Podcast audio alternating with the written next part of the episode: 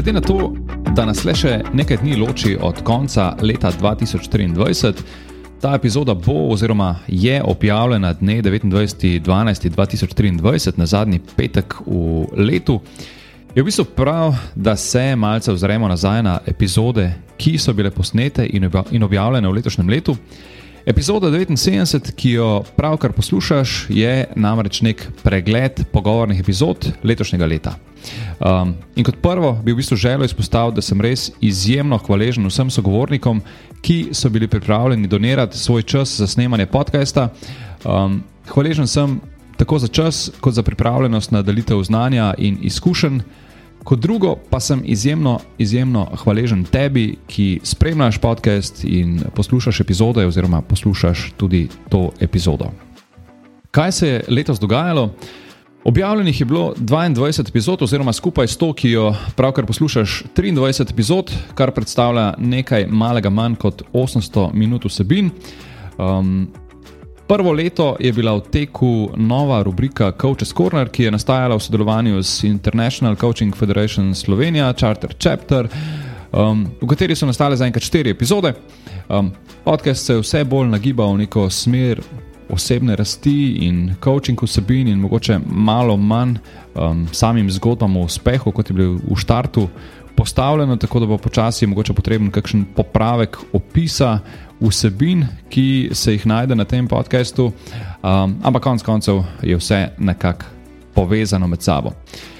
Kot sem omenil, bo ta epizoda nek kratek pregled letošnjih pogovornih epizod. Za vse, ki ste že tekom leta poslušali objavljene pogovore, bi lahko rekli, da je ta epizoda za neko recimo, osvežitev spomina. Za tiste, ki pa prvič poslušate ta podcast, pa naj bo to neke vrste pokušina dela tistega, kar ta podcast ponuja.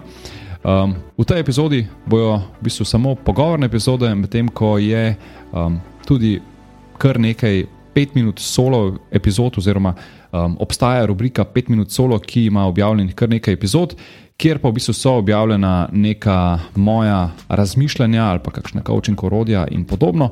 Um, ampak recimo, da so tista objavljena v dovolj kratkem formatu, nekje 5 do 10 minut, in vsaka zase predstavlja neko celoto, zato jih pač nisem vključeval v tole zaključno epizodo. Ja, torej, začnimo enkrat na koncu. Um, Moja zadnja sogovornica v letošnjem letu je bila podjetnica in coachinja Mojca Korelc, s katero sva se pogovarjala o nišnem marketingu, o pozicioniranju na trgu in seveda o uspehu. Mojca mi je dala kar precej stvari v razmislek, tudi glede bolj usmerjenega pristopa k temu podkastu, in verjamem, da bo posledica najnega pogovora um, vidna tudi v letu, ki prihaja. V odlomku, ki sledi, pa lahko slišiš najem pogovor o podajanju brezplačnih vsebin in monetiziranju le teh, ter o menjavi časa za denar. Pa, ki so bile že ravno pri grajenju mailing liste, pa pri tem ne. Um, tukaj mi je zanimivo, kako ustvarjati neko dodano vrednost za recimo, tiste, ki so na mailing listi, ali pa konec koncev za sledilce, če, če gre za socialna omrežja. Pa vidim, da tudi v tvojem primeru si zelo, zelo um, aktivna uh mhm. -huh. pri tem, da daješ neko dodano vrednost svojim sledilcem. Um, kakšen je pa tukaj tvoj, tvoj um, pogled na to, kako ustvarjati, ali pa do katere mere neko dodano vrednost ustvarjati, in kako pa recimo tudi monetizirati te brezplačne vsebine, ki jih daš v svet? Mm. Uh zopet je v ozadju strategija. Ne? Jaz nič ne naredim brez kratko neki. Pač včasih sem, zato ker sem isto šla tako zelo naivno. In v resnici, ko gledaš tam zunaj, je to tako si zgleda simpel. Veš, vse le naredim tle en brezplačni webinar in pol bojo zdaj tle vsi kupovali in ja, rara. Ne? In v resnici pa je v zadju tok ene mašinerije, kaj treba nastaviti, ampak to vidiš lepo v procesu. Ne? Tako da res vsako stvar ki se jo lotiš, jaz rečem, da je začni s koncem. Um, če hočeš neko vsebino dajati, zakaj to počneš? Ne? Enako z tvojim podcastom, kjer daješ uporabno vsebino, kaj je end goal. Ne? In je treba izhajati iz končnega cilja, ja? ker potem veliko lažje vidiš, kje so tisti ustrezni koraki, ki jih moram delati, zato da pridem do sem. Mm. Uh, tako da sem ja, sama vsebina je kraljica, ne? to je danes tako in uh, več niti ni pomemben. Ne, jaz doskrat rečem, niti ni važno, da si ti najboljši. Ja? Zato, ker je danes bolj pomembno, kakšno vrednost, uporabno vrednost daješ ti temu človeku. In zelo hitro se, da, se danes lahko obrne. Um, nekdo, ki je rečemo, tretiran kot ja, ta je pa top of the best, mislim, ta je res najboljši kot nek res strokovnjak, da ga nekdo iz ozadja zelo hitro dohiti, če ne tudi prehiti, zato ker uh, to vrednosti tako daje trg. Ne? In če ti si v tem kontaktu, če daješ, če uh, imaš rezultate, ljudje to radi spremljajo, tudi radi nagrajujejo, radi se odločajo za tebe, um, če je ta konsistenca.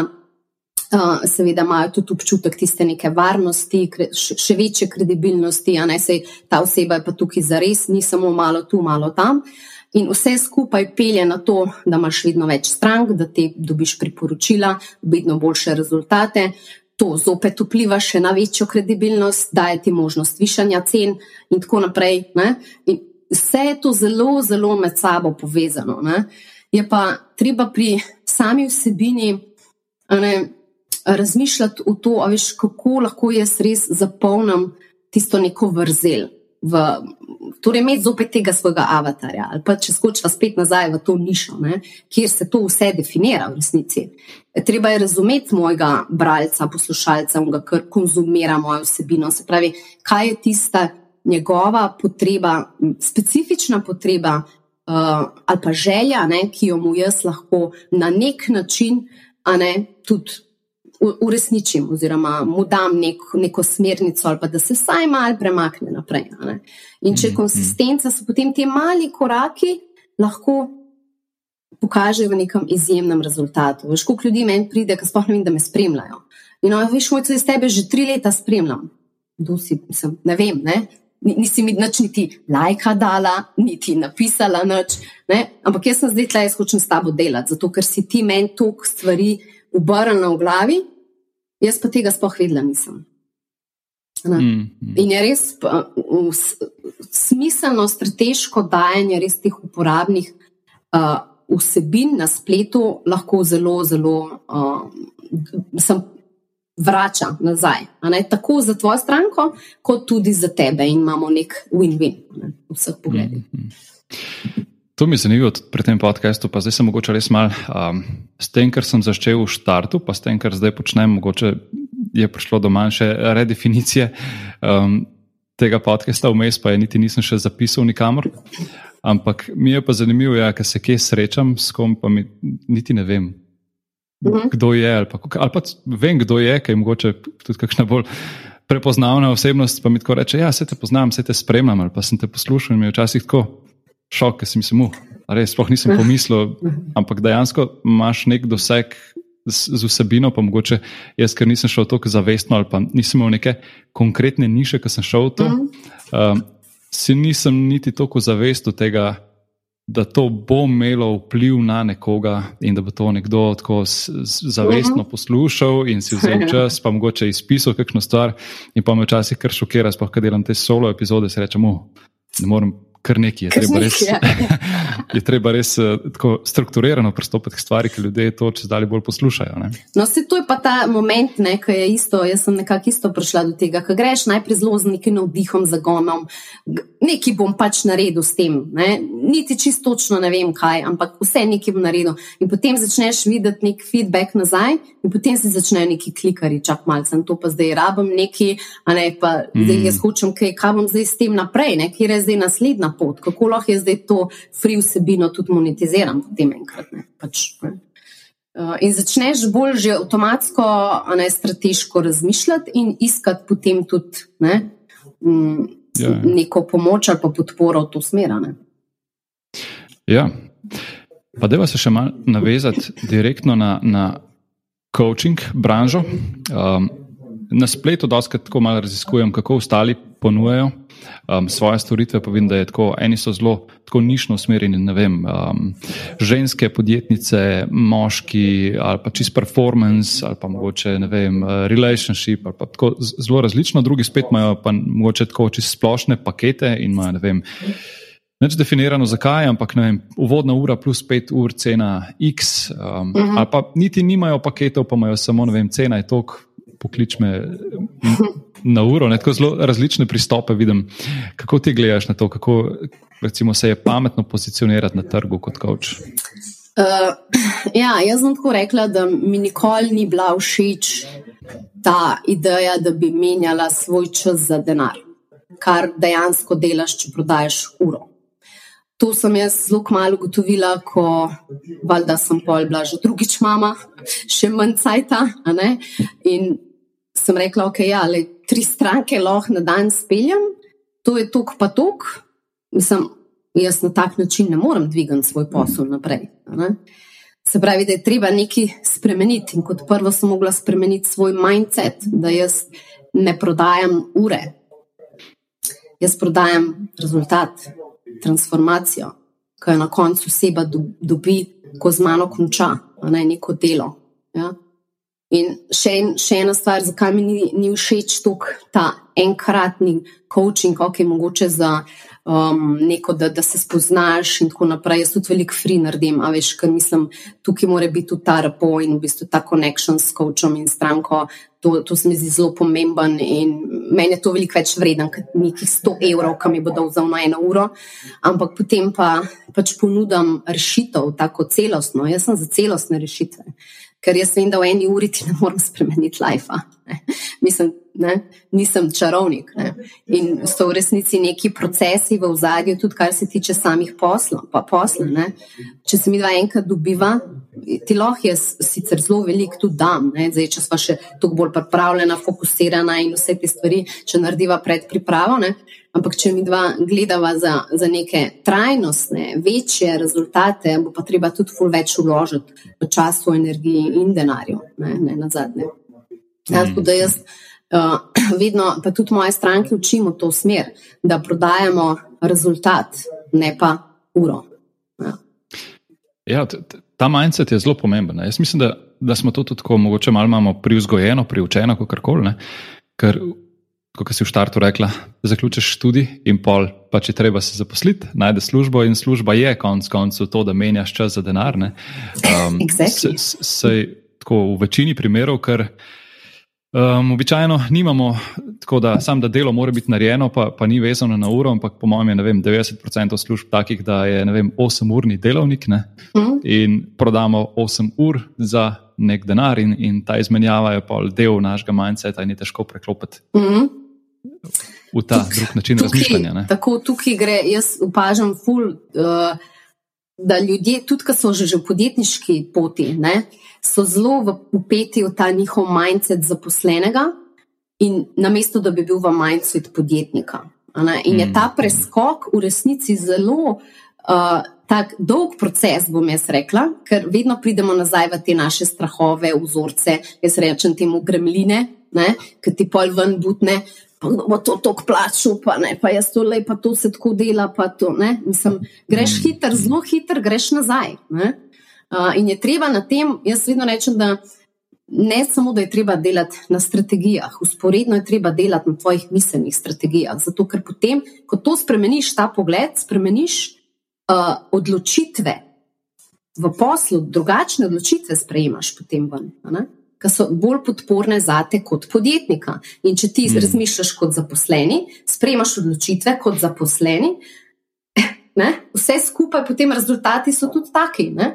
Tudi je ja. treba delati usporedno na obeh resnicih strategijah. Sledi izsek iz epizode, kjer je bil moj sogovornik Andrej Zalokar, soavtor knjige Povezovalno vodenje, ki je bila tudi neka rdeča nit najnega pogovora.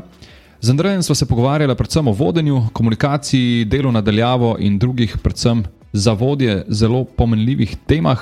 Um, v naslednjih minutah pa lahko slišiš del pogovora, kjer smo se pogovarjali o vplivu besede priden in o tem, kako lahko iz največjega nergača v podjetju naredimo največjega pozitivca. tudi recimo na, na sestankih, recimo, ne, pa so lahko te sestanki v živo. Vseeno, mislim, meni je danes vseeno, ali je v živo ali je nadaljavo, kako koli. Mm, zadeva je v tem, da recimo vodja izpostavi neko misel, neko idejo. In potem ljudje v dvorani ali pa v sejni sobi poslušajo. In potem je, ne vem, pol minute tišina, minuto tišina, aha, ok, gremo na naslednjo stvar. Ne. Takrat vodja mora izpostaviti neko konkretno zadevo, pogledati malo po, po prostoru in reči: Vidim, Janez, da si ne vem, nekaj prikimal, ali pa da si odkimal, ali pa karkoli, ne? ali pa da si se spremenil, nek položaj spremenil, kakorkoli. Ker to je v bistvu že potem ta sprožilec, ki ga lahko sprožimo v bistvu skozi nezavedni del. Ne? Ali pa direktno reči, vidim, da se vsi danes strinjate s tem, kar sem vam predstavil. Ja. Ne, v bistvu, jaz temu rečem nežna provokacija, ampak v bistvu uh, mi moramo kot vodja, se pravi kot ta glavni komunikator, dati nekaj izhodišča, da sploh dobimo nazaj povratno informacijo, ali se ljudje strinjajo, ali se ne strinjajo, ker če se ne strinjajo, ok, najhuje, če ne povejo. Mm. Ali, pa če, ali pa recimo potem nekdo vam pade in reče: Ja, ok, vse je brez veze, to smo že stokrat provali. Ja, ok, ampak povejte mi, kako bomo pa zdaj vedeli, da ta zadeva ne deluje, če jo ne provamo. Ali pa tudi uh, sprejemanje tega, da ja, okay, mogoče to res ne bo delovalo. Bom pa vesel, da ti podaš svoj predlog. Ker recimo, marsikje v kažem podjetju smo ta glavne nergače začeli vključevati v neke uh, vodje projektov, nekih stvari, ker taki so potem. Uh, lahko rečem, uh, dolgoročno najbolj, uh, ko enkrat se pravi, dobijo malo krila, pa neko pozicijo v podjetju, pa se počutijo vredne nazaj, so v bistvu potem najboljši delavci, ker potem bojo vsakega prepričali, da to mora biti točno tako. Prej so bili sicer kontra, ampak. In to je, bom rekel, zato je danes za vodje ključno poznavanje se pravi psihologije, delovanja možganov, kaj so neki te vzorci, ker eh, mi veliko krat moramo, se pravi, iz stališča komunikacije nekih pogajanj narediti nekaj drugače, zato da dosežemo željeni efekt. Ja. Se, se mi zdi, da ta, ta pridnost je ta naša nacionalna mentaliteta, um, pa je res mogoče naredila kar dost. Pa, to je zelo nehvaležno, da rečem škode. Ne? Ampak enkrat sem bral. Škode kot koristi, se bom uh, zraven vključil. sem pa bral enkrat. sem pa bral pred že zelo dolgo nazaj nek članek, mislim, da je bil v sobotni prilogi, ki je bila ravno ta razlika v mentaliteti oziroma v razvoju otrok, um, tako kot v Sloveniji govorimo da so naši otroci pridni, pa kako so se razvili, ali pa mogoče kako kje druge izražajo ta ponos nad svojimi otroci. Ne? In po drugi strani, mogoče ne zgradijo tistega po naše pridnega človeka, ne? ampak zgradijo pa samozavestnega človeka, ki, ki vseeno na koncu um, dosega dobre rezultate in ni tisti. Boječ uh, človek, ki sam hoče biti priden, pa narediti, pa biti neopazen, ker se mi zdi, da nas je pa veliko velik tega ratali iz te pridnosti otroške. Ja, se, uh, se, što, uh, ne, uh, se v bistvu to je razlika, mal, uh, se pravi, tale Zoran Milovojevič, uh, psihoterapeut, ki pravi doktor uh, Milovojevič, veliko krat razlaga o, o teh razlikah, se pravi, glede na to, da smo pač le mi narod, ki smo bili enkrat združeni v celotno Jugoslavijo, ne, se pravi, razlika mentalitete mogoče. Uh, Bolj dol na Balkanu, pa, pa pri nas ne.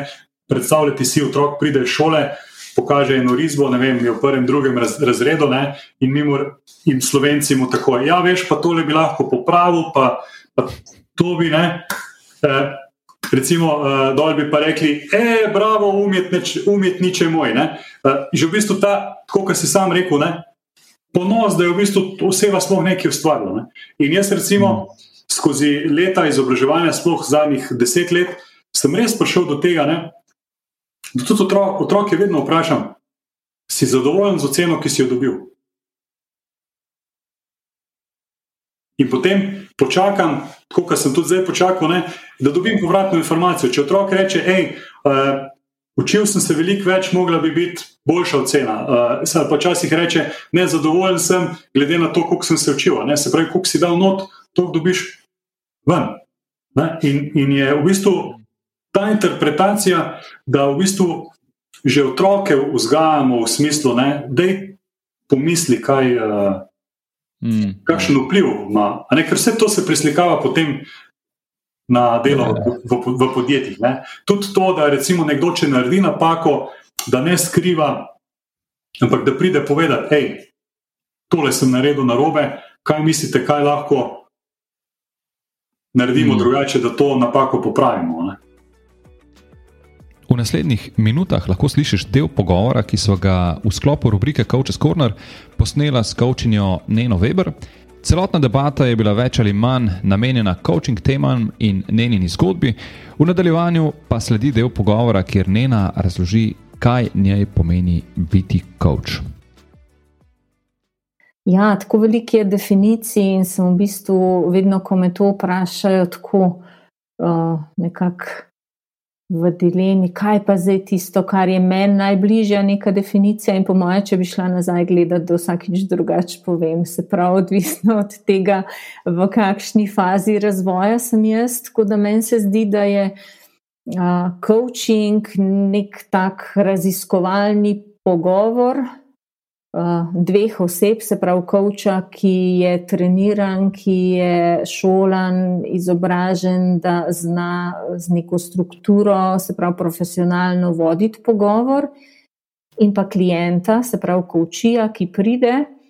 In želi pri sebi nekaj raziskati, ugotoviti, odkriti, spremeniti, presežiti kakšne vzorce. Se pravi, to je proces, ki je pač uh, usmerjen v potrebe, v pričakovanja klienta. Coach je pa tisti del procesa, ki drži prostor, da je to varno, da je to etično in da gre po nekih zakonitostih, zato da so potem tudi pričakovanja klienta izpolnjena, da se na koncu klient s pomočjo koča odloči za neke korake spremembe in da potem tudi ustraja, se pravi, da ga koč tudi v tej fazi procesa podpre, da dejansko pride do implementacije tega, do česar je prišel pač v procesu.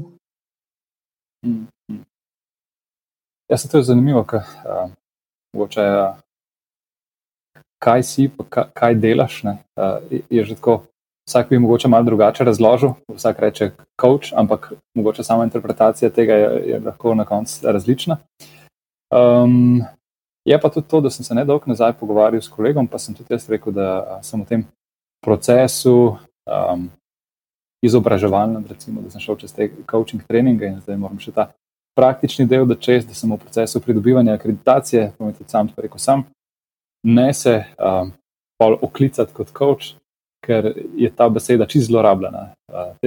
Vsi bojo na robe razumeli, kaj želiš, kaj želiš povedati, ker danes je vsak svoj coach.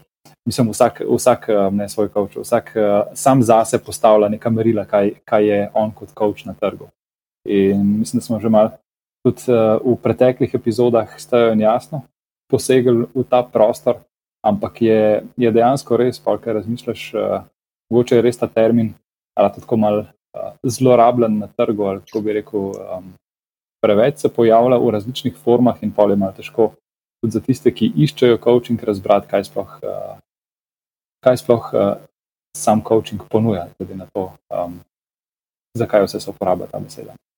Ja, malo je tudi mogoče smole, zdaj, če, če si iz moje osnovne profesije pogledam v vseh teh letih, odkar uh, coaching je kot metoda na tržišču, ne, nismo uspeli, niso uspeli lingvisti uh, posloveniti besede.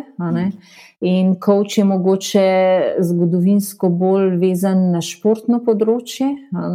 Se pravi, aha, coach, zdaj si pa nek trener, ne, ne, nisi trener, trener je drugo, ne, potem mentor je spet nekaj tretjega, svetovalec je nekaj drugega, psihoterapeuti, psihologi, psihiatri so spet svoja branža, ne, se pravi, coach je pa nekako ostalo kar še v tej angliški različici, tako da je tudi tukaj le mogoče mal handicap, pa ne vem, če bi uspeli poiskati neko slovensko besedo, ki bi malo bolj plastično to v slovenski obliki zaobjela, ne, v izrazu bi bilo mogoče tudi lažje. Je pa dejansko tako, kot si rekel, jaz včasih, ko se malo pohecam, uh, ja, grejo ljudje na nek uh, krajši vikend tečaj uh, nekih stvari, ki imajo več ali pa manj veze s coachingom in potem pravim se pa dobro ne spijo z nedelje na ponedeljki in v ponedeljek zjutraj so pa še coachi, mislim,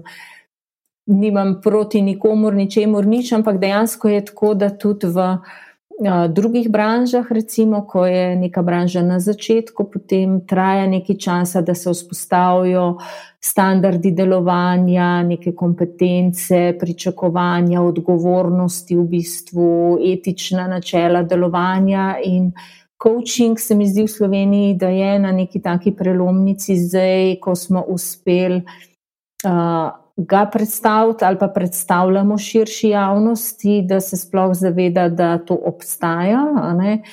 Zdaj bomo pa morali seveda na naslednji nivo in dejansko reči, da ja, to je coaching, to ni coaching, to je pač neka druga metoda ne? in postaviti potem tudi merila, profesionalna, ki so itak že postavljena v tujini, tudi v Sloveniji, ne preko ICF zveze, kot se reko, obstaja tudi uh, slovensko coaching združenje, uh, izpostava EMCC, se pravi Evropskega coaching, mentoring. Uh, sveta, tako da vse te, vse te smernice in kompetence so postavljene, veliko slovenskih kočev je že vključenih tako eno kot drugo organizacijo in ravno skozi to delovanje se potem tudi profesionalnost in pa odgovornost v bistvu viša in seli na drug nivo. No. Tako da bo pa potrebno pač se raš, razčistiti to področje, se tako kot je bilo podobno v preteklosti z nekimi zdravilskimi metodami, zdravilci, alternativci in tako naprej. To je nek proces, skozi katerega mora pač vsak pokliciti. Astrologija je bila tema 67. epizode, ki smo jo v maju posneli z astrologom Rokom Koritikom. Rok nam v epizodi predstavi astrologijo in njeno uporabnost, in delček tega pogovora lahko poslušaš tudi v naslednjih nekaj minutah. V vse, ki sledi, pa sem vključil še en del pogovora, kjer Rok govori o avtentičnosti. Um, ja, in v bistvu to sem naredil zato, ker so vse njegove besede avtentičnost ima svojo vrednost, nekako res eh, so se mi vtisnili v spomin, tako um, dober slogan se mi je zdel in se mi zdi super, da je lahko ponovno objavljen in da ga še enkrat slišimo. Drugač pa ne bi bil zdaj v nekem obdobju tranzicije, to se doskrat bere ali pa slišiš, da je nek prehod iz obdobja rib v, v obdobje vodnarja, vodnarja the age of Aquarius. Uh -huh. um, kaj, kaj pa v tem lahko rečeva? Ja, um, mislim, o tem bi se dal veliko reči. Ja, to je še ena izmed stvari, ki je, uh, ja, bi se lahko debatirali uh, zelo na široko. Uh, bom pa sam rekel, da je, da je tukaj spet za eno nerazumevanje um, tega kaj so zvezde, kaj so zodiakalna znamenja. Um, in niso si vsi enotni eh, glede tega, kdaj bo ta um, zvezdje vodnarja prišlo na pozicijo uh, enakonočja. Tako da eni pravijo, da bo to čez 600 let, eni pravijo, da se je to zgodilo že 2012. Izračuni so različni, tako da um, jaz se niti ne bi preveč obadal s tem, ne, ker kakšna je pa razlika zdaj. Če kar naenkrat vemo, zdaj smo pa v dobi vodnarja, zdaj bo pa utopija. In tako se nekako ljudje predstavljajo, ampak to obdobje bo bolj zaznamovano z tehnologijo. Ne. Tehnološki napredek, uh, tehnološka družba, uh, pre, tako, prevlada razuma. Mm. To je, tukaj imamo pravka z moškim intelektualnim načelom. Tukaj je zanimivo. Meni se zdi, dosti, dosti teh informacij, um, tehnološka družba, vse gre v to smer, na drugi strani se mi zdi pa vse več pridobiva na veljavi neka spiritualnost, nazaj k naravi. To že, to že. To dvoje se ne izključuje. Ne? Zato, ker družba je lahko izredno tehnološka, ampak je najdela način, kako to dela, ja. da je v nekakšnem čim večjem sožitju z naravo. Ne? Pač mi zdaj razumemo, ker do zdaj, ker smo imeli tehnologije, je bila v glavnem destruktivna. Ne? Ampak uh, jaz osebno nimam dvoma, da lahko prijemo enkrat na stopno, kjer bo tehnologija praktično neškodljiva. Ne? Um, bomo pa pač morali iti skozi neko šivankino oho. Um, in uh, pač bomo videli, da je ok. Uporaba tehnologije ima tudi svoje meje. Hmm. In mogoče se to celo zgodi znotraj tega obdobja vodnarja. Hmm. Ja, tehnologija je po svoje, um, da tudi prostor, da gremo nazaj k sebi, nekaj mogoče zdaj smo bili tej bolj uh, dobi neke težje industrije, če gledamo nazaj, ali pa ne vem, mogoče vse je bilo bolj vezano na neko fizično, ročno delo in se mi zdi, mogoče tle se bo zdaj sprostilo neko, nek, nek prostor za poglabljanje vase ali pa za neko samozavedanje, ja. karkoli, zato je recimo tehnologija tista, ki bo. To je res, ja. Uh, jaz bi samo posvaril mogoče pred tem, um, ker uh, vidimo, ja, ogromno ljudi gre v duhovnost ne? in se tako opažam to zavračanje tehnologije. Ne? Kao slabo, ampak tehnologija obstaja, odkar obstaja človek. Ne? Vsaka stvar, ki se je človek eh, izmislil, izumil, vsak pripomoček je tehnologija. Ne? Vedno si je želel nekako lajšati življenje, da bi skrajšal pot do nečesa. In ravno to je povezano z znamenjem vodnarja. Mm. Uh, lahko bi mu rekli tudi vodovodar. Ne? Zato, ker včasih so morali hoditi uh, po, po vodo do reke, ne? z lonci. Um, in po enkrat je rekel, zakaj ne bi imel vodo, ker tle sred vasi. In je začel kopati vodnak, in je bila voda tam. Ne? Potem mu je bilo še to preveč, rekel, ok, zakaj ne bi mi vodo napeljali v vsako hišo. Ne? to je to, to je ja, tehnologija, ja. to je pač vodnar. Um, iz nezadovoljstva se to porodi. Uh, lahko bi nam bilo lažje, lahko ne bi bilo treba tukaj delati. Tako to gre. Uh, je mogoče še kaj, kar bi želel sporočiti poslušalcem, pa tega nismo omenili tekom pogovora? Aha, ah, je še kaj. Jaz bi samo na kratko rekel, bodite avtentični. Zato, ker smo avtentični, takrat smo sami vsem zadovoljni in tudi drugi to prepoznajo. Autentično, autentičnost ima svojo vrednost.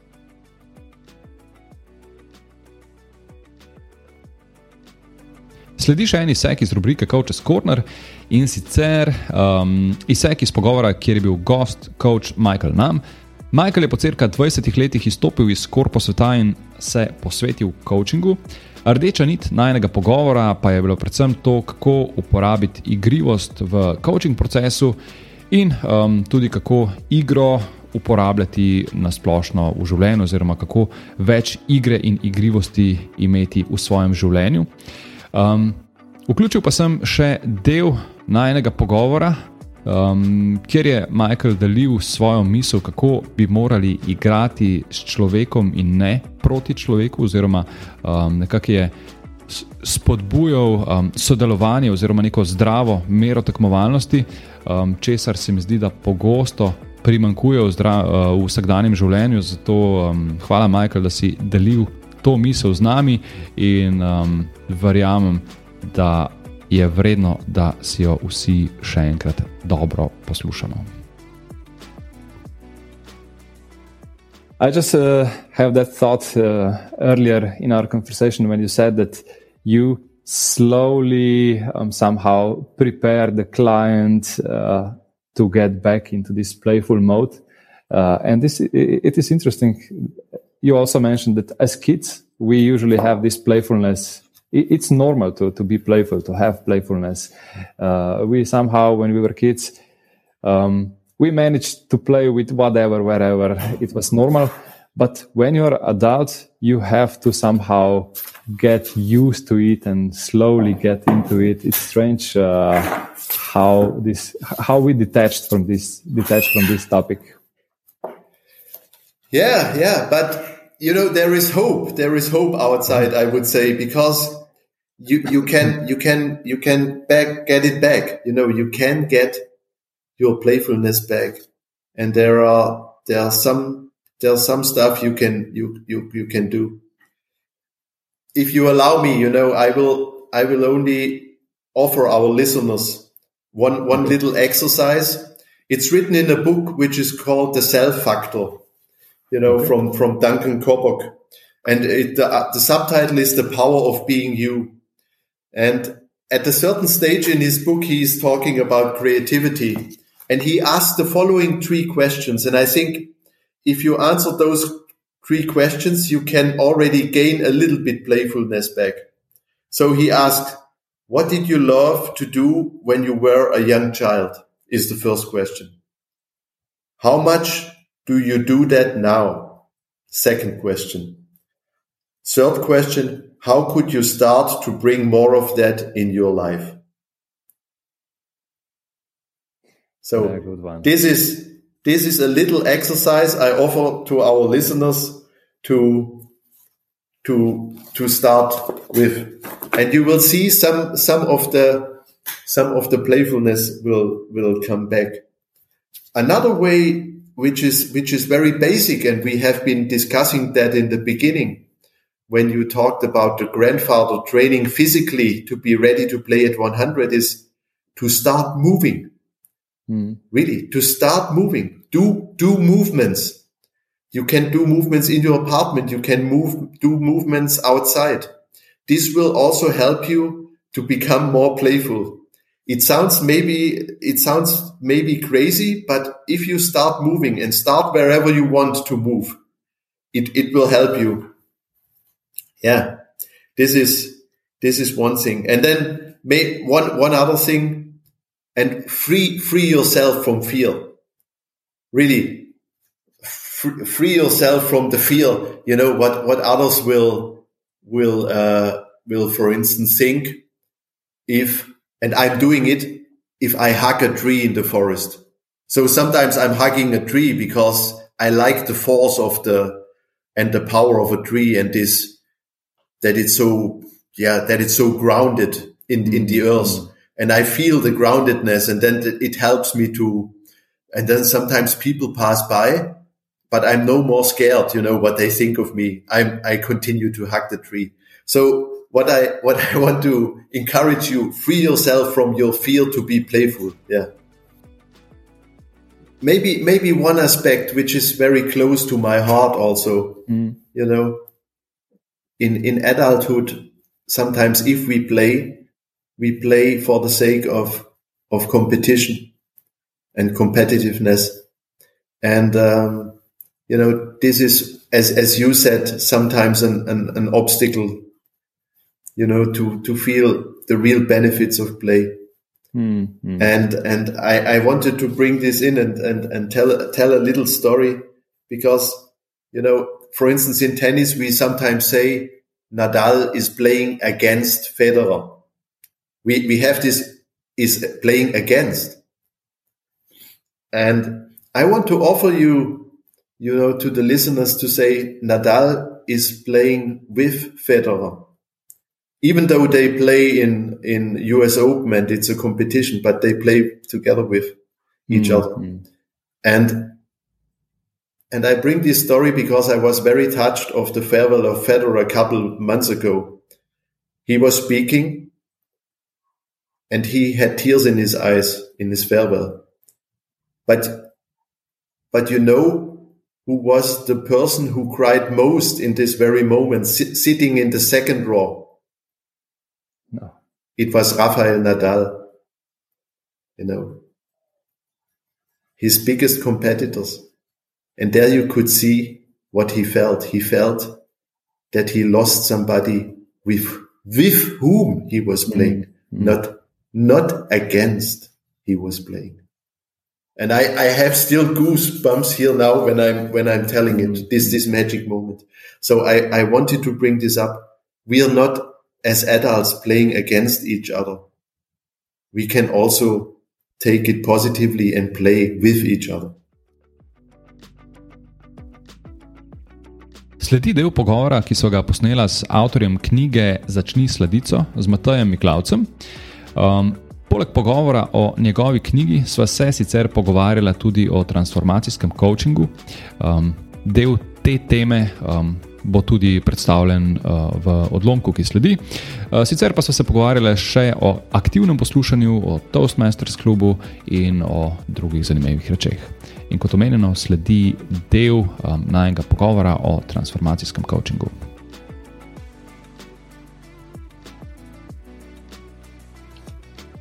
Dva največja uvida, ko sta se dobila, sta bila sledeča. Ne? Prvi je bil v zvezi z odnosi. In sicer jaz v odnosih sem zmeraj imel izziv, ko nisem vedel točno, iz kje čustva prihajajo. Ali sem jaz kriv, ne, nekako, ali je oseba druga kriva. Mm. In nisem vedel, nisem poznal, da v bistvu naše razpoloženje vpliva na to, kako mi dojemamo ne, druge ljudi. In to je bil velik problem no, za me. Jaz sem zmeraj imel uh, težavo s tem in posledično um, konflikte zaradi tega, tudi pač v intimnih odnosih. Me to bila velika neznanka. Pač nisem vedel, zakaj en dan punca zgleda tako in drugi dan drugače. Nisem vedel, uh, da imajo moje misli nekaj tle vmes, ne? da, mm. je, da so moje misli nek umestni člen, ki je polje obarva, kako jaz svet dojemam. Pač to meni ni bilo jasno. Jaz sem mislil, pač, da doživljam direktno. Ne? In če doživljam direktno, polje prihaja od odzvanah. Ne? Samo pač, ko mm. sem bil sam, sem imel neki zavedanja, da mogoče pa jaz. Sam, kaj jaz ne, nisem si mogoče niti upal predstavljati, da je to na meni. Um, tako da zelo naivno za reči. Um, zelo. Um, pač brez razumevanja, ne? zelo ignorantsko tudi ne, za reči. Uh, vse skupaj je mogoče izhajalo iz tega, da sem mislil, da moram se odzvati na vsako misel, ko jo imam. Torej, vsaka misel, ko se pojavlja v meni, je nekaj pomenljivega pomenila. Ne? Tako da pri pr meni ni bilo tako, da, da misli pridejo in grejo. Ne? Vsaka misel je nekaj govorila o situaciji. In če se že pojavlja v meni, nekaj pomenljivega pomeni. Ne? In mm. mogoče nekaj pomembnega uh, o situaciji, in tudi kaj moram jaz narediti. Ne? Tako da, če je bila neka nesigurnost, je to takoj pomenilo. Oziroma, sem šel še bolj v nesigurnost in mogoče, da ni neki prav v odnosu, ali da sploh ni za odnos, ali karkoli. V glavnem, ta mm, spirala mm. je zelo hitro šla v, v slabo smer. In ena stvar, ko se je zgodila, tako čisto konkretno, glede tega, eh, se je zgodila lih s tem, ko moče se je zgodila neka disociacija z mislimi, ko sem pač se znašel v taki stiski.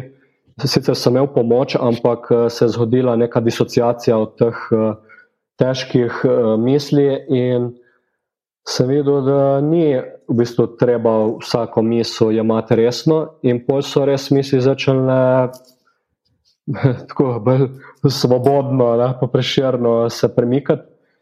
In takrat se je zgodil, zgodil ta uvid, zelo močen, eh, da moja izkušnja je unikatna in izvira iz mene in iz tega, kar se dogaja v meni.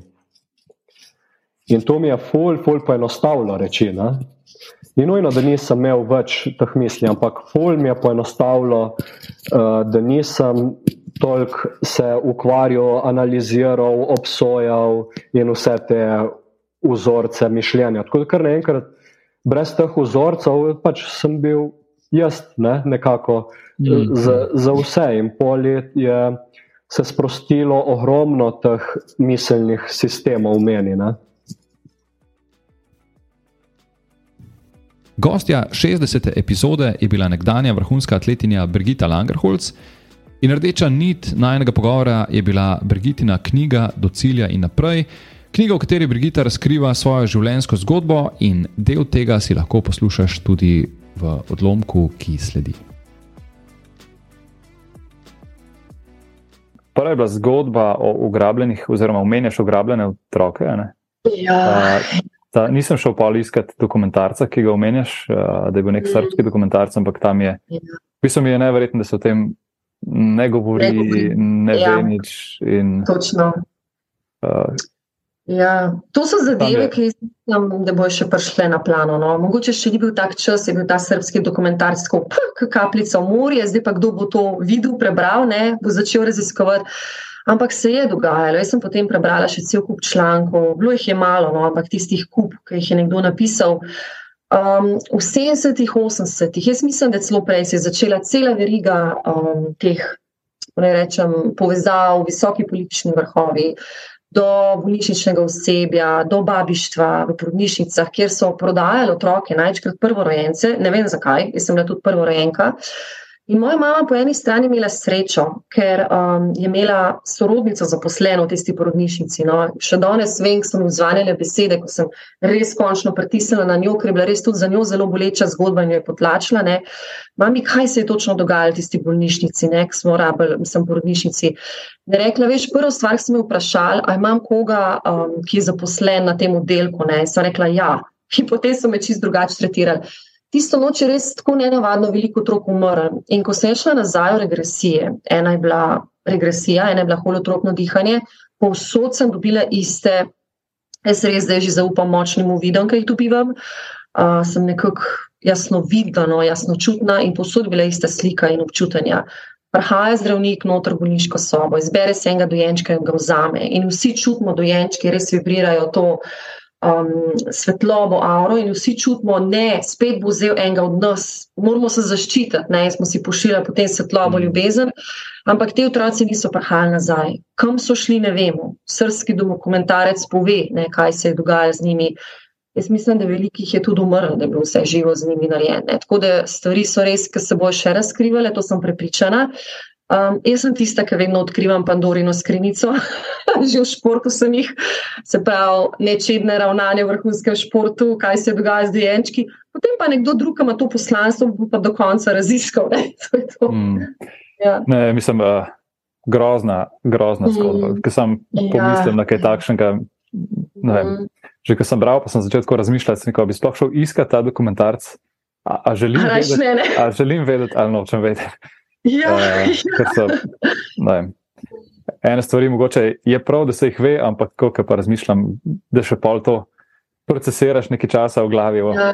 Boleče je, za vsega je boleče. Ali tiste mm. mamice, ki so zdaj reži starejše, gospe in očetje, ki še vedno mislijo, da je otrok umrl, pa velikih ni, um, mm. ker tudi trupla niso nikoli videli. Ne. To je bila ena taka rdeča nit, nikoli niso pokazali trupelca otrok. Ne.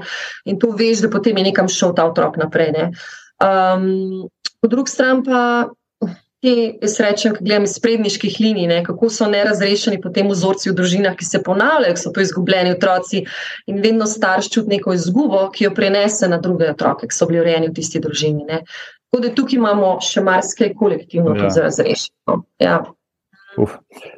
Druga stvar, ki mi je bila tako fascinantna, je pa to, kar si že omenila. Kako je recimo iz tiste deklice, ki so ji skoraj prepovedali šport, pa so rekli, ne, vem, ne smeš se zadihati, uh, telovadbo. Če, sem, če se prav spomnim, si imela prav s, s posebno uh, enoto v šoli. Uh, in si v bistvu prerasla.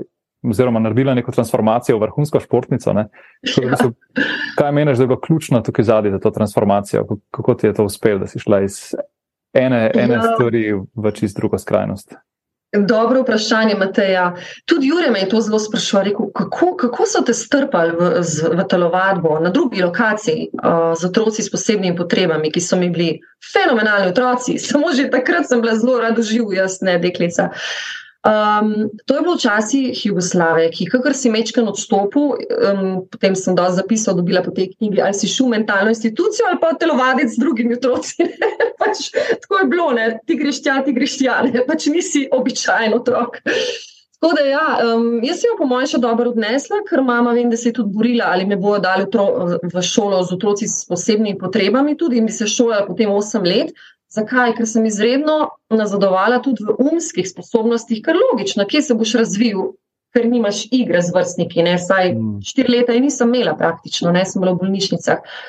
Tako da ja, mislim, da je bil to moj notranji tihi glasek, uh, ko danes gledam nazaj, ki me je vedno opozarjal, da mogoče pa okolica nima vse prav, kar mi sporoča. Ne? Uh, pediatri ne vedno, joj, ne smeš telovaditi, moja mamica naročala. Potem, uh, boh ne daj, da hodiš po bosi travi danes jaz hodim po snegu, bosa, ne? ampak to so vsi ti miti, ki so se res zakorenili v mm. mojo podzavest. In nekje do 23 let dobesedno dosignejo na olimpijskih igrah, sem jih jaz počasi, res počasi klesla. Hvala Bogu, s fenomenalno ekipo okrog mene v športnem svetu. No, v tistem času, ki so bili vsi neki entuzijasti, ne, se pravi, rečem, premalo plačani, koliko so obladali zdaj in ki so mi jih dali. Tako da jaz sem zelo vesela, da sem mm. to prešla skupaj z njimi. Vse je zanimivo. Jaz sem pa tudi razmišljal, koliko je recimo, mogoče še danes takih primerov, uh, ja, da ti nekdo ja. nekaj reče in te to zaznamuje, in pač dobiš nalepko, mm. ti si takšen in, in to je to. Ne, in si mogoče. Ne samo, da se, če otrok dobi, ne samo od, od otroka, ni to odvisno, ampak se starši sprijaznimo in rečemo, da moj otrok je pa takšen, da je zdaj delati z njim tako. Ne? In v bistvu ja, si ja. vzamemo tisto prvo informacijo za, za sveto in se držimo tega, ampak v bistvu je to tak uh, reprezentativen primer pri tebi, da se ja. lahko stvar čisto obrne v drugo smer. Ne, in, in to, ja. Ja. Marino Grevic je včasih rekel, tvoja pot je bila tako že izbrana, z dušnega nivoja. Jaz tako res, ne na začetku res ni izgledala tako. tako da je veliko lastnega dela. Ja. To moram mm. podariti za vse ostale otroke in starše. Ja. Mm.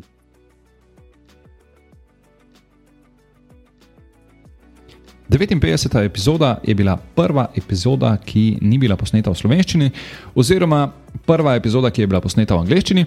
Moj sogovornik je bil Jose Antonio Morales, perujec, ki živi in dela v Sloveniji.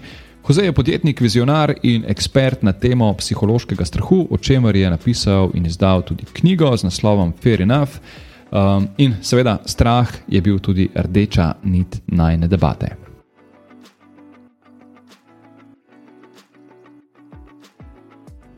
But um, what is the, the the right way to approach this fear? Should we should we be just should we just accept it and uh, be familiar with that feeling and and uh, try to to um, overcome it, or or what is the the yeah, right approach? So, from all what I've read and from all what I've seen, um, there is work that needs to be done. Okay, so the first thing is to recognize what is the fear that is stopping you from achieving your best potential. And uh, if you ask the question to everybody, you will find a lot of I don't know. Right? So they are going to be saying, I don't really know. I don't know why I'm I stuck. I don't know why Okay, so there's a lot of not knowing what it is. And uh, in my opinion, the reason is because fear became part of your personality. So it is kind of, I'm not a singer, I'm not a dancer, uh, uh, I'm not a guy that likes to make electric connections or build IKEA furniture. Right? So, uh, those are identifications with your personality.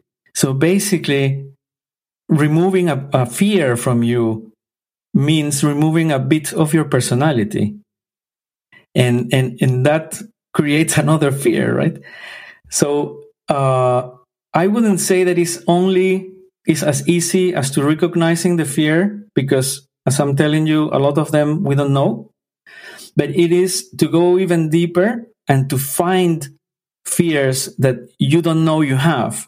Mm. And in order to do that, the easiest technique that I found is analyzing your failures.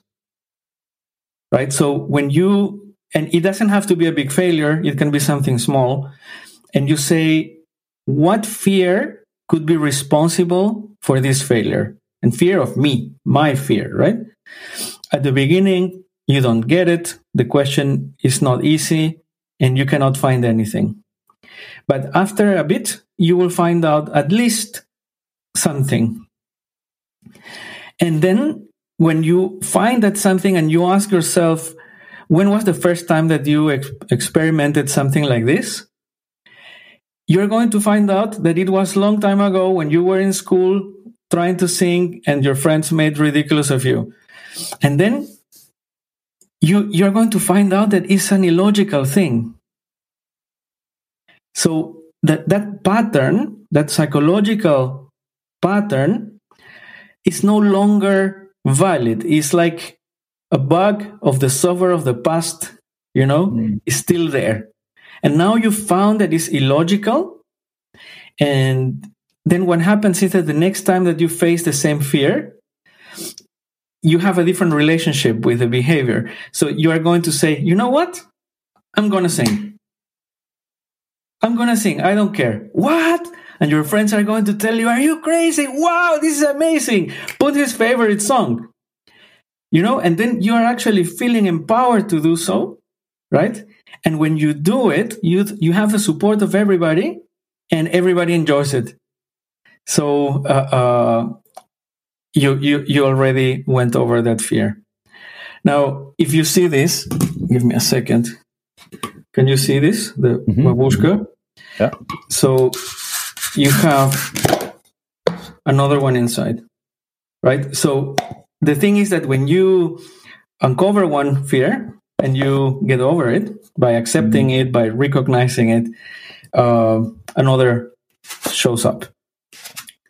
So for, for those who who are not uh, watching and they are just listening, you just uh, showed us uh, the what's that babushka matryoshka doll, yeah, which is uh, more uh, figures inside. Yeah, it's the the Russian nested doll, mm-hmm. right? So yeah. there, there's one small, then uh, the smallest one is within the bigger one, and and like mm-hmm. that for a few layers. Yeah. Mm-hmm. Yeah, um, and this this uh, actually reminds me not, not the babushka, but the, the, the story about overcoming fear. On the coaching exercise where uh, we lay down all significant, write down all significant events from our past and um, which behaviors uh, were created at that that exact uh, event, and then you see what did you just um, created by yourself for yourself and if you are the one who created this this behavior you are on, you, you are also the one who can change it. And uh, it's quite interesting also for me uh, that we are holding to some patterns which are like you mentioned uh, we we learn something in i don't know primary school i don't know at five years seven years uh, old. And we keep those patterns sometimes for the whole life. And uh, we usually don't um, are not aware by ourselves that we can change that pattern for ourselves. So so overcoming fear it's in this way it's really important. It is essential. It mm. is essential because as soon as you start removing those fear patterns little by little i call that process deconstructing fear.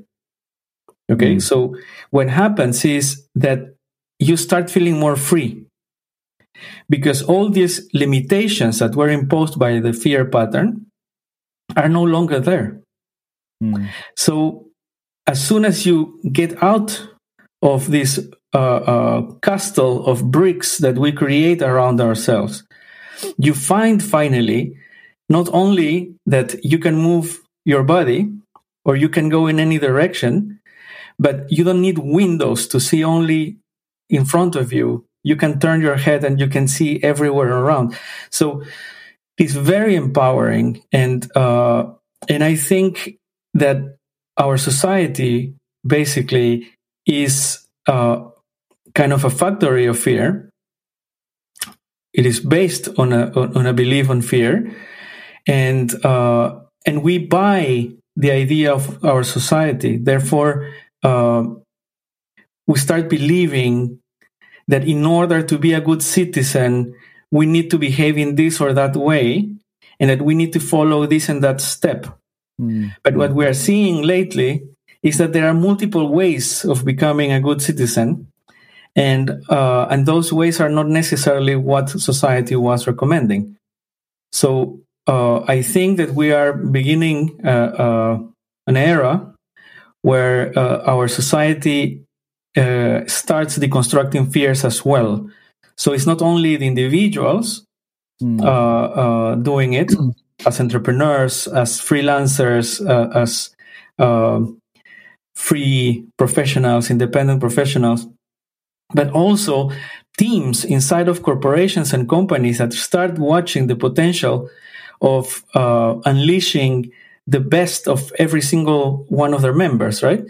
So, uh, yeah, I, am as you can see, I'm a lover of the topic, and mm. I, I really think that if we start understanding what fear is, how can we uh, use fear to recognize the patterns that are not beneficial to us we can transform not only ourselves but the uh, the civilization where we live. Mm. Yeah, but the old uh, the old I don't know it's not a convention, but it, the the old way of of doing uh, and business and running uh, the society as a country it was always uh, somehow based on fear. Um, society was usually controlled by fear, and also if we look at uh, older approach in companies, uh, people usually uh, feel that if I won't do as they say, I will be somehow punished or something will happen to me. And that fear is always present. So, so also the productivity is the result of fear, which is now slowly changing. Hopefully, yeah. with with more um, preachers of this topic like you, um, uh, the world will change faster. But yeah, um, hopefully this will change. Uh, I, I, I, see myself more as a symptom of the change than a creator of the change. Mm-hmm. So I think that, like me, there are many others that are talking more and more and more about fear. And it's not that we are the ones that are going to change the world. Uh, it, it is just that we are some of the first ones changing. Uh, but I think that this is a trend. And you're totally and absolutely right that our society, our civilization has been built on fear because it was needed. We really had to defend ourselves from cold, uh, mm-hmm. from hunger, from whatever was there outside. But obviously, that we, we already went through that. We don't have to be afraid anymore, right? And it is incredible to see, for example, when you go to Twitter, young people recommending you, right, strongly and confidently to grind, to work hard, to do, do, do, do, do, and do. And then you see if you follow those accounts at three or four or five months later, a lot of them are burning out. Mm-hmm. And they insist that burnout is actually some kind of a, a manifestation of doing what is needed Mm. And th- I'm very sad because of this, right? Yeah, but now you just, I just uh, remembered we are probably um, really one of the first generations ever on Earth that we can be quite, uh, quite uh, not afraid. We can sit, I don't know, outside, um, outside the woods, and nothing will happen to us. We can, we can live on a beach for a month and we will survive nothing will happen to us so so we are really safe in terms of of surviving um, if we are we are comparing our lives with uh, the lives of our ancestors so so we are yes, probably not aware of this Exactly. We are not aware. We are in automatic pilot and we are just moving forward and walking and doing the best that we can to keep our mm-hmm. families, etc., etc. But then we don't stop to think a bit deeper, mm. right? So, of course, I go to a party with my friends and I start talking about my philosophical things, and everybody gets bored, and nobody everybody prefers to start the fun than than having the, the deep conversation. But I start thinking that creating spaces where to philosophize, it is really important. Mm. And you know, uh, in in the co-working space in Morska Sobota, we do that. So the the members of the co-working sometimes they call me to have a conversation. So then we can. It's like a space that helps you to go deep. Mm. Right. And then they start finding their own patterns and then they start finding their own solutions. Uh, uh, they get inspired by the conversation and they change. So I think that that's something that we need to create inside of companies, inside of organizations, in in everywhere. Mm-hmm. Yeah, even if we compare this with uh, probably some ancient, I don't know, Rome, Greeks, and so on, philosophy as as um, a part of everyday life was much more present than than today. We are yeah. pretty much hurrying through we lives. are in such a rush, right? Because we are in mm. such a competition, and the cake is so small, at least in our heads, uh, that we are just not paying attention to opportunities. We just want to listen to the trends, to whatever is fast to get and uh, unfortunately, uh, we pay attention to what we believe is going to give us something back fast. Yeah, that instant yeah. success formula. Yeah. Yes, exactly, and and and that is uh, a bit of a, an extreme that I'm sure is going to cause other kind of problems that uh, will get us closer actually to live in a society with less fear and, uh, and less uh, patterns of fear, more entrepreneurial, let's say. Mm, right.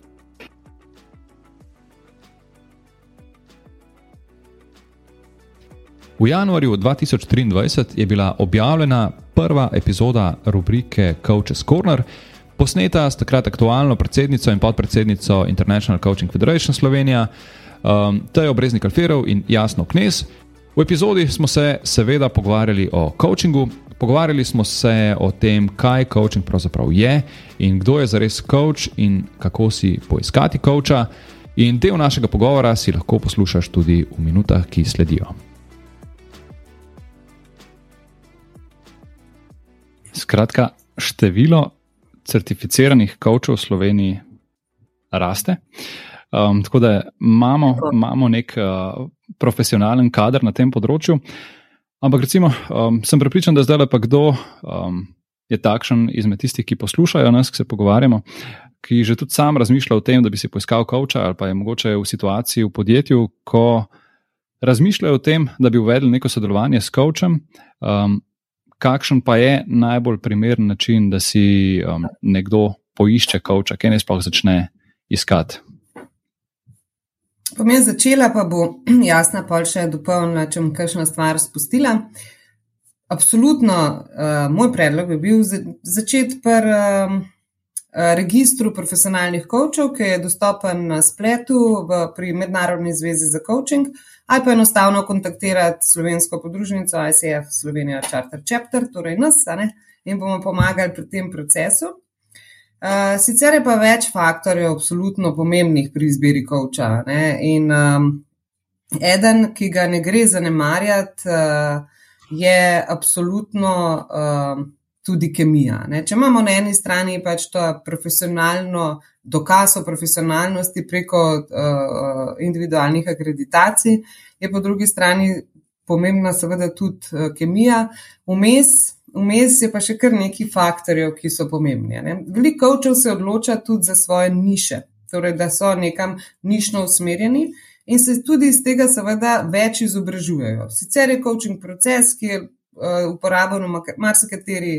Uh, situaciji, kot je jasno rekla, lahko uporabljamo coaching veščine, ne, zato da izboljšamo neko komunikacijo, uh, lahko uporabljamo coaching tudi z otroci, ne, ne na zadnje. Uh, Um, ampak, kar se tiče profesionalnih coachov, pa se tipično um, nišno usmerijo, iz tega tudi več izobražujejo. In uh, glede na to nišno usmerjenost, ne vem, je nekdo executive coach ali je nekdo bolj timski coach ali je nekdo bolj, uh, ne vem, um, usmerjen na mindset coach, ne tega veliko ali je čist uh, life coach, kot temu rečemo. Ne. Skratka, so neke nišne usmeritve, je tudi to eden kriterij, ne, po katerem si vedno vsak lahko pomaga, iščem leadership coacha. Ne, želim si izboljšati svoje leadership, svoj, svoj, svoj način vodenja. Ne.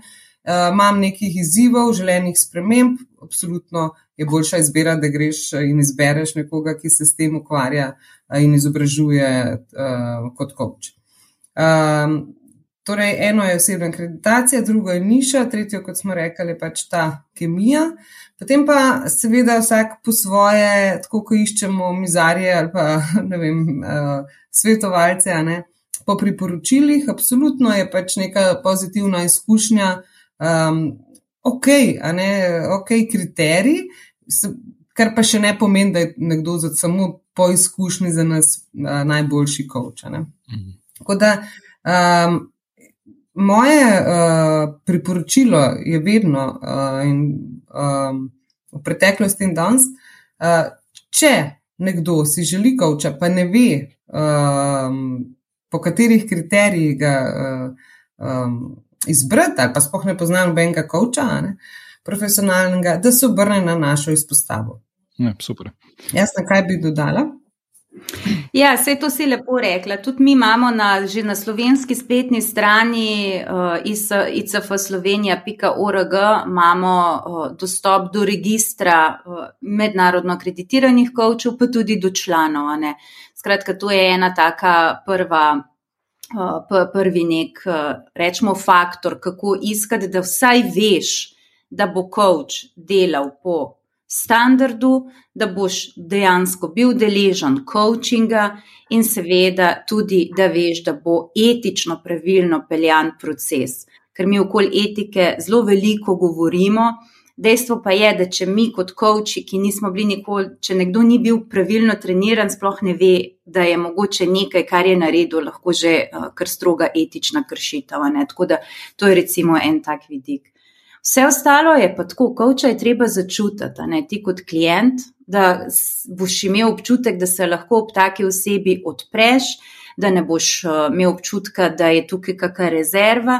In pa seveda, tako kot je rekla eh, Teja, ta nišni vidik, oziroma um, odvisno je zopet od tega, kdo je na drugi strani kot kovča, nekoliko, kakšna je globina njegovega znanja in tudi uh, kaj nam ustreza v danem trenutku. Vse mogoče. Um, smo se fino dotaknili tudi uh, kodeksa in tako naprej, ampak uh, se mi zdi zelo pomembno tudi to, da uh, Slovenija je pač mala ne? in vsi vse poznamo. In doskrat se mi zdi ta občutek, ko se z nekom pogovarjaš, rekel, ampak ne bom se odprl nekomu, ker vem, da on pa pozna enega, ki pozna nekoga drugega. Ne mogoče tudi to, da izpostavimo, da v bistvu um, tukaj ni prostor, kjer. kjer se lahko, ni prostor za neke govorice in, in da nekje uhajajo neke informacije, ampak pač je, je prostor za neko zaupanje, zaupnost, ne, da, da, da ljudi, ki grejo v ta proces, naj ne bo strah tega, da bo pa mogoče od soseda slišal, ti si bil pa na coachingu, pa si se pogovarjal mm. neke stvari. Ne. Se mi zdi, da. Absolutno. Absolutno. Ne? Zato je tukaj ta etični eh, kodeks, ki ga je ja, jasna, po mojem, zdaj že 15krat omenila, ampak je tako pomemben in tak temelj, uh, kar se tiče profesionalnega coachinga, da ga pač zato umenjamo. Mm -hmm. To je ena stvar. Ne? Druga stvar, ki je pa tudi zelo uh, pomembna, kar se tega tiče, ne, ne bom se odprl in teh pač stvari. Ko nekdo je profesionalni coach, ko je akreditiran, ko eh, je šel čez eh, certificiran program, ko se s tem ukvarja, ko je pri nas v društvu, ker v bistvu brainwashama okrog etike res, res velik. Potem se enostavno to zavedanje krepi in je v bistvu riziko, da bi pač bilo neki, eh, neke informacije ušle iz coaching procesa minimizirano, absolutno. In je seveda tudi, če pa bi, je pa to tako velika kršitev, ne, da nekdo lahko tudi izgubi osebno individualno akreditacijo. In seveda tudi član pol ne sme biti nekaj časa, skratka, je cena, ki bi jo nekdo plačal, tako visoka, da, da, da zato so to neki postopki, ki so varni.